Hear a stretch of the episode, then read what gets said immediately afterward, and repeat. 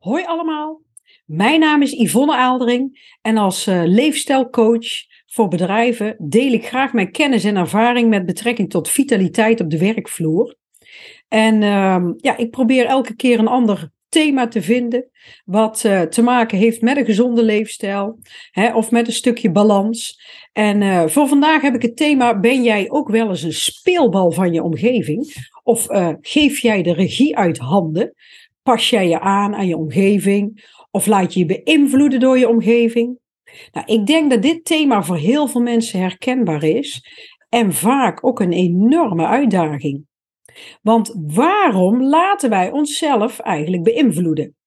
Nou, even wat achtergrondinformatie. Kijk, veel mensen hebben de angst hè, of zijn bang voor afwijzing.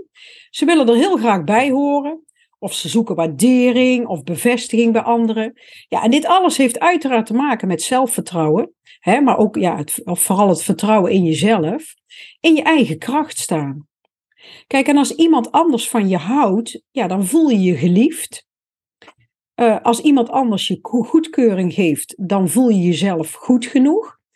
En dat komt eigenlijk doordat mensen in uh, essentie gewoon groepsdieren zijn. We zijn sociale wezens. En in eerste instantie ben je bezig met wat goed is voor jou. Maar uiteindelijk wil je toch graag een onderdeel van een groep zijn. Of je ergens bij horen voelen. En um, ja, daar zit eigenlijk ook in onze overlevingsinstincten. Nou, mensen kunnen dus helemaal niet zonder andere mensen. Kijk, en als jij geaccepteerd wil worden in een groep en de veiligheid van een groep wil ervaren, ja, dan zal de rest van de groep jou goed genoeg moeten vinden. En als je geneigd bent om altijd jouw mening af te stemmen op de algemene mening van een groep, dan zie je dus op een gegeven ogenblik ook dat je zelfvertrouwen plaatsmaakt voor zomaar akkoord gaan met andermans mening. En ja, daar komt het eigenlijk misschien ook wel een beetje uit voort. Nou, er zijn uh, meerdere onderzoeken hè, die aanduiden hoezeer wij ons laten beïnvloeden door de mening van anderen, van een groep. En er is bijvoorbeeld een heel beroemd onderzoek eens een keer gedaan in een zaal en er werd een vraag gesteld waarbij overduidelijk twee foute antwoorden zaten en één goede. En de deelnemer uh, denkt het goede antwoord te hebben, maar ziet dan dat anderen in de zaal allemaal een ander antwoord kiezen. Die kiezen bijvoorbeeld een van de foute antwoorden. Ja, en dan zie je vaak dat mensen aan zichzelf gaan twijfelen. Wanneer alle andere mensen een andere mening hebben dan jij, dan kan dat ervoor zorgen dat jouw zelfvertrouwen verdwijnt. Dus um, ja, dat, hè, dat maakt dat we daardoor misschien eerder ons conformeren aan de mening van een ander. En um, er is ook wetenschappelijk onderzoek naar gedaan, hè, wat de invloed is van uh, je sociale kring, hè, wat dat voor gevolgen heeft op jou. En de wetenschap die waarschuwt, die zegt: pas op voor de vriend die constant klaagt je laten beïnvloeden bijvoorbeeld door een negatieve sociale kring, dat blijkt namelijk veel kwalijker dan gedacht. Dat is inmiddels uit onderzoeken gerold. Dat heeft echt invloed op je. Dus het advies is dan ook: leg de lat wat hoger en voorkom wat ze noemen emotionele besmetting. En maak goede keuzes in de mensen die je omringen en die in je sociale circuit zitten. Want uh, dat heeft uiteindelijk ook invloed op jou en je kent misschien ook wel de uitspraak waarbij er gezegd wordt: je bent het gemiddelde van de vijf personen waar jij je mee omringt. Nou, dat is een hele onnuchterende gedachte. en zeker eentje die ook enorm aanspoort om eens over na te denken, over je vriendschappen, relaties die je hebt.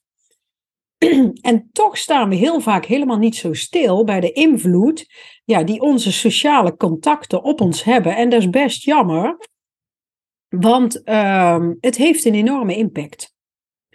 Nou, en want als je bijvoorbeeld ziet dat bijvoorbeeld de band die je hebt met je collega's, met je ouders, vrienden of partner, die geeft jou vaak ook een bepaalde kijk op zaken. Maar die heeft ook invloed op hoe jij je emotioneel en zelfs soms fysiek voelt. Hè? Sta er maar eens bij stil je bent bijvoorbeeld, dat is een voorbeeld, wel eens ooit met vrienden geweest, met iemand die zo enthousiast was en dat werkte zo aanstekelijk. Dat jij er zelf eigenlijk ook opgewekt van werd of blij. Nou, en als jij dan vervolgens daarna met iemand optrekt die enorm veel klaagt, zeurt, negatief is, um, hè, waar het glas altijd uh, half vol is, of half leeg, hè, maar net hoe je het bekijkt, dan zie je dat dat soms heel veel energie kost en dat dat juist um, ja, je stemming omlaag brengt. Nou, en zo werkt dus echt de invloed ook van anderen. En ik denk dat dit voor velen van jullie echt wel herkenbaar is. Dat je van de ene persoon krijg je energie en de ander zuigt je misschien wel leeg. Nou, en dan heb je natuurlijk ook nog dat mensen echt ook invloed op je kunnen gaan uitoefenen. Hè, waardoor jouw acties, je gedachten, je emoties, die worden eigenlijk beïnvloed door de personen waar je mee optrekt. En dat noemen ze ook wel emotionele besmetting. en dat is afhankelijk natuurlijk van het type contact. dat kan positief uitpakken, maar dat kan natuurlijk ook negatief uitpakken. En ja, nou is de vraag, wat doe jij met de meningen van een ander? Ja, en dan leid ik dan graag even terug naar het thema gezonde leefstijl, want dat is natuurlijk mijn uh, vakgebied. Want stel, hè, dat is een voorbeeld, dat jij graag wil afslanken, of je wil gezonder gaan eten, of je wil wat meer balans in, uh, voor jezelf, in, in, hè, op tijd ontspanning, meer tijd voor jezelf. En stel dat een vriendin zegt, ach, hè, je kan dit toch wel eten, doe niet zo ongezellig. Of uh, we kunnen toch wel afspreken, terwijl jij eigenlijk tijd voor jezelf ingepland had en eigenlijk niet wil of geen zin hebt. Ja, wat doe je dan? Ga je dan met die ander mee of blijf je bij je eigen standpunt of kies je voor jezelf? Want uh, je moet je altijd heel goed afvragen, die ander die bepaalt, die praat natuurlijk ook vanuit een bepaald referentiekader en vanuit zijn eigen ding. En kan het zijn, kan zijn dat hij bijvoorbeeld vanuit jaloezie praat. Of diegene die probeert jou klein te houden, want anders is het misschien wel heel confronterend voor die ander. En je kan je afvragen, is die ander wel een ervaringsdeskundige hè, uh, in, ja, in waar je mee bezig bent? En heeft diegene hetzelfde gedaan met goed resultaat, als het bijvoorbeeld gaat om afslanken? Hè, als diegene al tien keer heeft geprobeerd af te slanken zonder resultaat. Hè, en dat is het referentiekader van die persoon. Hè, en daardoor is die persoon misschien wel teleurgesteld in zichzelf. Of hè, is de, de, de, ja, de hoop ontnomen. En is diegene daardoor heel negatief geworden. En projecteert die persoon dat op jou. En dan is het de vraag: laat jij je hierdoor weer houden? En kijk nog eens heel goed naar die ander. Is die ander bijvoorbeeld een voorbeeld voor jou, een voorbeeld voor gezondheid? Is die persoon goed op gewicht? Is die in balans? Fit, energiek? Uh, leeft diegene gezond? Is dat echt een enorm voorbeeld voor je of juist niet? Want is het wel een voorbeeld? Kijk, dan kan je iemand zijn adviezen ter harte nemen en aannemen. En misschien zelfs vragen van hoe heb jij dat gedaan om zo optimaal in vorm te zijn of blijven? en dat, maar dan kan het natuurlijk nog steeds zijn, als die ander zegt hoe dat ze dat gedaan hebben, dat dat misschien wel niet jouw manier is, of een methode of een leefstijl die bij jou past.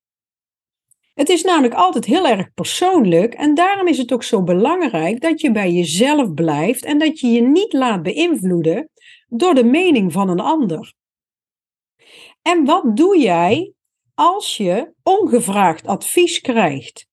wat regelmatig gebeurt. Er zijn altijd mensen die ons van allerlei en vaak ook goed bedoeld adviezen willen voorzien, maar daar zit je niet altijd op te wachten. Ik zeg al ongevraagd en eigenlijk hoef je daar helemaal niets mee te doen. Want je hebt er ook niet om gevraagd. Dus dan kan je ook zelfs heel makkelijk zeggen: Nou, dankjewel voor het advies maar ik red me wel of het gaat wel. Dus um, het is aan jou wat je ermee doet. Kijk, en als die persoon het schijnbaar lastig vindt dat jij zo goed bezig bent met een gezonde leefstijl, hè, dan, um, hè, dan, dan mag je dat ook bij die persoon laten liggen. Want uiteindelijk is zij of hij niet degene ja, die ervoor zorgt dat jij resultaat hebt en zij brengen jou geen gezond lijf. Dat zul je toch uiteindelijk zelf moeten doen. En ik zeg altijd, ze betalen ook niet jouw sportschool als ze je proberen van de sportschool te weerhouden. Ze betalen niet de boodschappen die je doet in de supermarkt. Dus uh, daarmee hebben ze eigenlijk ook geen zeggenschap over wat jij eet. Dus de boodschap is eigenlijk ook: geef de regie niet uit handen en laat die ander niet bepalen wat jouw resultaat wel of niet is. Maar hoe zorg je er nou voor dat je je niet laat beïnvloeden door anderen? Want um, iedereen herkent het wel dat hij zich toch wel eens laat beïnvloeden. En he, door de mening van een ander. En dat kan soms zelfs zo sterk zijn dat het jouw eigen stemmetje van binnen overschreeuwt. En dat je misschien zelfs daardoor niet meer zo goed weet wat je nou eigenlijk wil. En het kan zelfs leiden tot twijfel, keuzestress. Ja, dat willen we natuurlijk niet. Dus begin je allereerst af te vragen wat jij in eerste instantie wilde. soms is het handig om je doelen op te schrijven, zodat je ze even weer kan lezen als je misschien wel van het padje gaat of je laat beïnvloeden. Maar wat heel belangrijk is, is dat je in ieder geval al weet waar je naartoe wil zelf. Het is al heel positief ook als je je bewust bent van het feit dat je je snel door anderen laat beïnvloeden. Dat is eigenlijk al stap nummer één.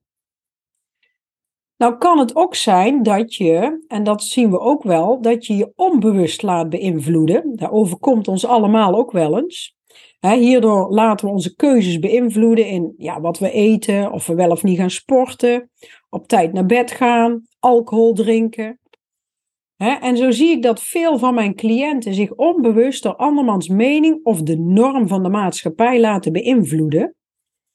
Nou, wat dan heel belangrijk is, is dat je ja, jezelf gaat leren om je meer te laten leiden door jouw intrinsieke waarde te volgen. Dus eigenlijk je eigen motivatie hè, en je eigen doel, dat je die goed voor ogen hebt. Nou, vraag je daarom ook regelmatig af als je toe wil geven aan de mening van een ander, of je wil je gaan aanpassen, is dit wat ik wil?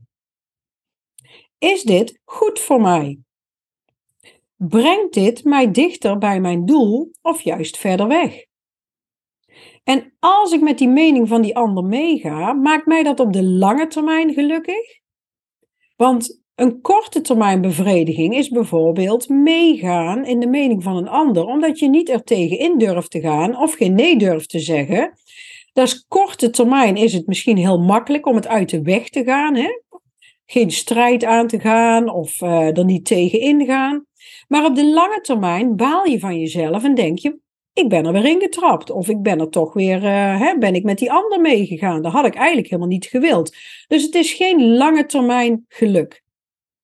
Nou, naast die bewustwording, hè, dat je weet dat je heel gevoelig bent voor de mening van anderen, is de volgende stap eigenlijk dat jij gewoon scheid gaat hebben aan wat anderen denken als jouw mening of nieuwe gewoonte die je jezelf wil aanleren, tegen die van anderen indruist, ja, kan daar wel eens heel lastig zijn.